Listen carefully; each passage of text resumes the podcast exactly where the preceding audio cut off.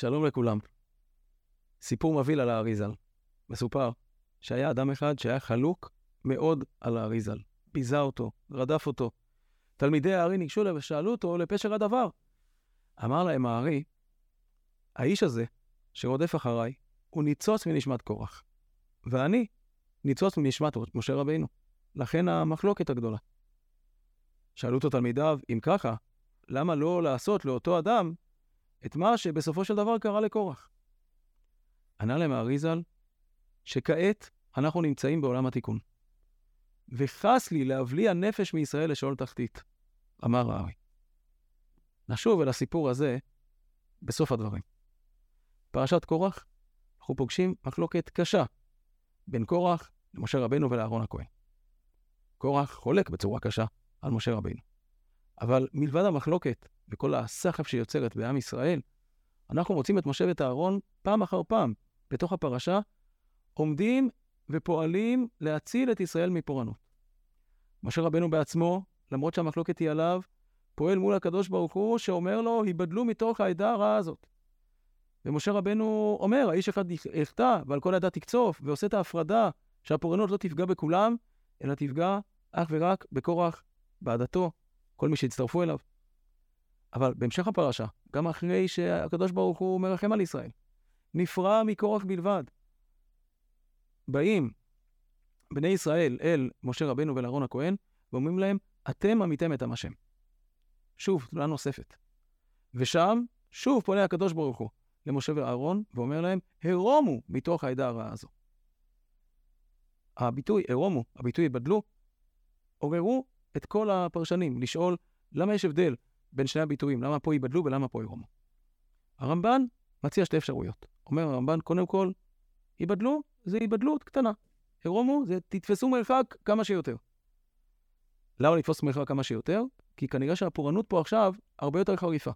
הולכת, הולכת להיות פה עכשיו פורענות הרבה יותר חריפה, ובשבילה ראוי שתלכו. אבל מעבר לזה, אומר הרמב"ן, יש פה רמז נוסף. המשמעות היא, כל זמן שאתם כאן, אני לא יכול לעשות את הפורענות. אומר הקדוש ברוך הוא למשה רבנו ולאהרון הכהן, תזוזו הצידה. תזוזו הצידה כי כל זמן שאתם פה, אני לא יכול להתחיל. אתם באיזשהו מקום מגנים על עם ישראל בנוכחות שלכם. המאור בשמש, בלי להזכיר את הרמב"ן, ממשיך את הקו הזה ומסביר מהי המשמעות של הצדיק בשביל להציל את הציבור. הערנו כבר בעבר שיש במאור בשמש כמה וכמה היגדים שקשורים מאוד לתפקיד של הצדיק, הצדיק ביחס לעם ישראל. מהתפקידים האלה אפשר ללמוד הרבה מאוד אמירות חינוכיות, רוחניות, שקשורות גם לכל אחד ואחד.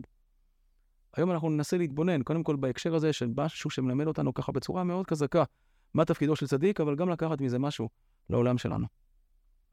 התפקיד של הצדיק, אומר המאור בשמש, זה לקשר את עם ישראל לקדוש ברוך הוא. טוב, לכאורה דבר אה, פשוט, אבל תכף נסביר טיפה מה אומר הקשר הזה. כל המגמה, כל השאיפה של צדיק, זה למצוא בעם ישראל, האמת שבכל אדם שמגיע אליו. אבל כשאנחנו מדברים על עם ישראל, בעם ישראל כולו, למצוא את המקומות, את הדברים, את הנקודות שיש בו או בכלל, שדרכם הקשר הזה יכול להתקיים. ממילא, העבודה של הצדיק היא לא רק לעשות דברים טובים בשביל עם ישראל, אלא כשהוא פוגש את עם ישראל, או כל אחד ואחד מישראל, העניין שלו הוא לנסות ולהבין איך האדם הזה, או איך הדור הזה, או איך עם ישראל כולו, במקום שבו הוא נמצא עכשיו, מה הנקודה שדרכה אפשר לקשר אותו. איך במקום שבו הוא נמצא עכשיו יכול להתקיים ואפשר להצמיח מהמקום הזה את הקשר שבינו לבין הקדוש ברוך הוא. כך, בעשיית המצוות, נהגו מקובלים וחסידים לומר לשם ייחוד לפני כל מצווה. מה המשמעות של לשם ייחוד? לשם ייחוד, הכוונה לאחד, לייחד דבר בדבר, באמצעות המצווה. את מי מאחדים באמצעות המצווה? אומר המאור והשמש, מאחדים את עם ישראל והקדוש ברוך הוא. לכן, בתוך הנוסח, המשמעות של הנוסח היא, לא רק המשמעות, המילים של הנוסח, בשם כל ישראל. ולשם ייחוד יש, לשם ייחוד, קודש הבריחו, שכינתי וכולי, בשם כל ישראל. הצדיק בא ואומר, אני לא עושה את המצווה רק בשביל עצמי, אני עושה את המצווה בשביל כל ישראל. אבל כשהצדיק אומר את זה, הוא אומר, אני בא עכשיו לעשות מצווה בשביל לקשור, בשביל לקשר את עם ישראל לקדוש ברוך הוא. אני רוצה שהקשר הזה שנוצר, כתוצאה מהמצווה שלי, יכלול בתוכו את עם ישראל. איך כוללים את עם ישראל? בשביל זה הצדיק מתבונן, מפתח התבוננות רוחנית על עם ישראל, ושואל, איך עבודת השם שלי? איך העובדה שאני ניגש עכשיו לעשות מצווה יכולה להיות ניזונה ולהביא לידי ביטוי את מה שקיים היום בתוך עם ישראל? אפשר לומר שהצדיק הזה לומד את עם ישראל בעיון, בישיבות, בעיון. מתבונן במה שעובר עליו, מתבונן במה שהוא מביע, מתבונן במגמות השונות שקיימות בתוכו, רואה מה מתרחש בתוכו, מה גועש בתוכו, ועושה עבודה אדירה להבין איך מה שרוכש וגועש ו- ועולה על גדותיו הרבה פעמים בתוכו, זה דבר שאפשר להביא אותו לידי ביטוי בקשר עם הקדוש ברוך הוא. מתוך ההסתכלות הזאת הוא ניגש לעשות מצווה.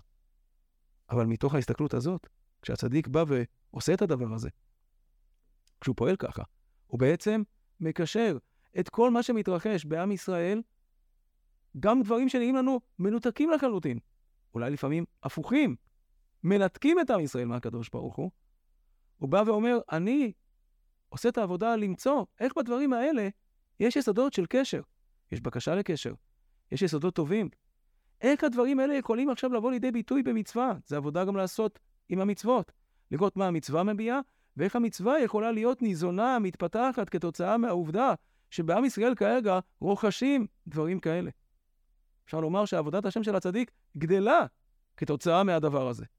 ואז באמת נוצר קשר. זה כמובן עבודה קשה. היא דורשת עיון, היא דורשת טרדה, היא דורשת המון לימוד זכות, הרחבה, העמקה, התבוננות עמוקה על מה שעובר כל אחד ואחד מישראל ועל מה שעובר הדור כולו.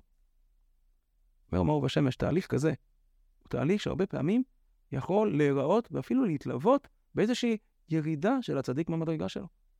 במקום לחיות בעולמות רוחניים, מנותקים, מאוד מאוד חזקים, הצדיק צריך ממש לצלול פנימה, להרגיש את הדופק, להאמין, להבין, לחיות מה שחי עם ישראל כרגע, במקום שבו הוא נמצא. זה במידה מסוימת דורש לרדת מהפסגה הרוחנית הגבוהה ולהרגיש מה מעניין אותם, מה מטריד אותם, מה עובר דרכם. אומר המאור בשמש, זאת העבודה בעצם של נפילת אפיים. נפילת אפיים, אחרי התפילה, היא המקום שבו אנחנו יורדים אל המקומות הנמוכים ביותר, נופלים על הפנים, כדי לקשר גם את המקומות הנמוכים אל התפילה שלנו, אל העבודה שלנו, אל העמידה שלנו לפני השם. נחזור לענייננו בפרשה. אומר הקדוש ברוך הוא למשה ואהרון, הרומו מתוך העדה. תתרוממו מעל, מעל עם ישראל. כל זמן שאתם איתם, כל זמן שאתם עושים את העבודה הזאת שעליה דיברנו, שאתם צוללים ויורדים למטה, ומנסים עכשיו למצוא, בכל זאת, מה יש במחלוקת הזאת? בכל זאת, מאיזה נקודות עמוקות של טוב נולדת התלונה החדשה הזאת, שעם ישראל מתלונן, אני לא יכול לחסל אותם. אתם בעצם כל הזמן יוצרים את הקשר ביני לבין עם ישראל, גם במקומות מאוד מאוד נמוכים. אני לא יכול להיפרע מהם ולהעניש אותם במצב כזה. אז זרומו, תתרוממו רוחנית, תחזרו לעולמות הרוחניים שלכם. אל תחפשו פה למטה שום דבר. זה רק מפריע לחסל כרגע את עם ישראל. האמירה הזאת היא גם רמז, אומר המאור בשמש. כשמישהו בא ואומר לי, תחזיק אותי שאני לא אחסל אותו, אני בעצם מבין שאני צריך להחזיק אותו כדי שהוא לא יחסל אותו. משה ואהרון שומעים, הרומו כדי שאני לא אחסל אותם. הם מבינים מיד, בהקשבה שלהם, והם לא מתפתים לעזוב את הקדוש ברוך הוא, הם בעצם מבינים שיש פה גם רמיזה מה יכול למנוע את הפורענות.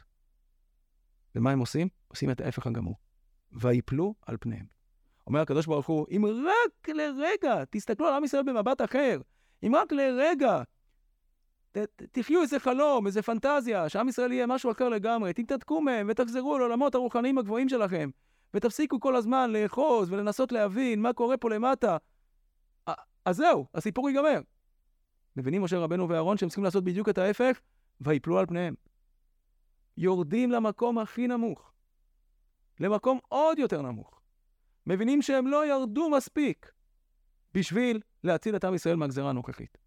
מבינים שעם ישראל נמצא במקום כל כך נמוך וכל כך מדורדר, שצריך צדיקים כאלה שמסוגלים לוותר על כל המדרגות שלהם, לרדת אל המקום הנמוך ביותר, לחיות את מה שעם ישראל עובר שם כרגע, להתבונן בו וללמד עליו זכות, ולראות איך מהמקום הנמוך ביותר הזה קושרים את עם ישראל לקדוש ברוך הוא.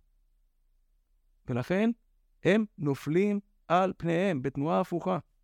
במקום להתרומם, יורדים יותר נמוך. אהרון מיד רץ להקטיא קטורת.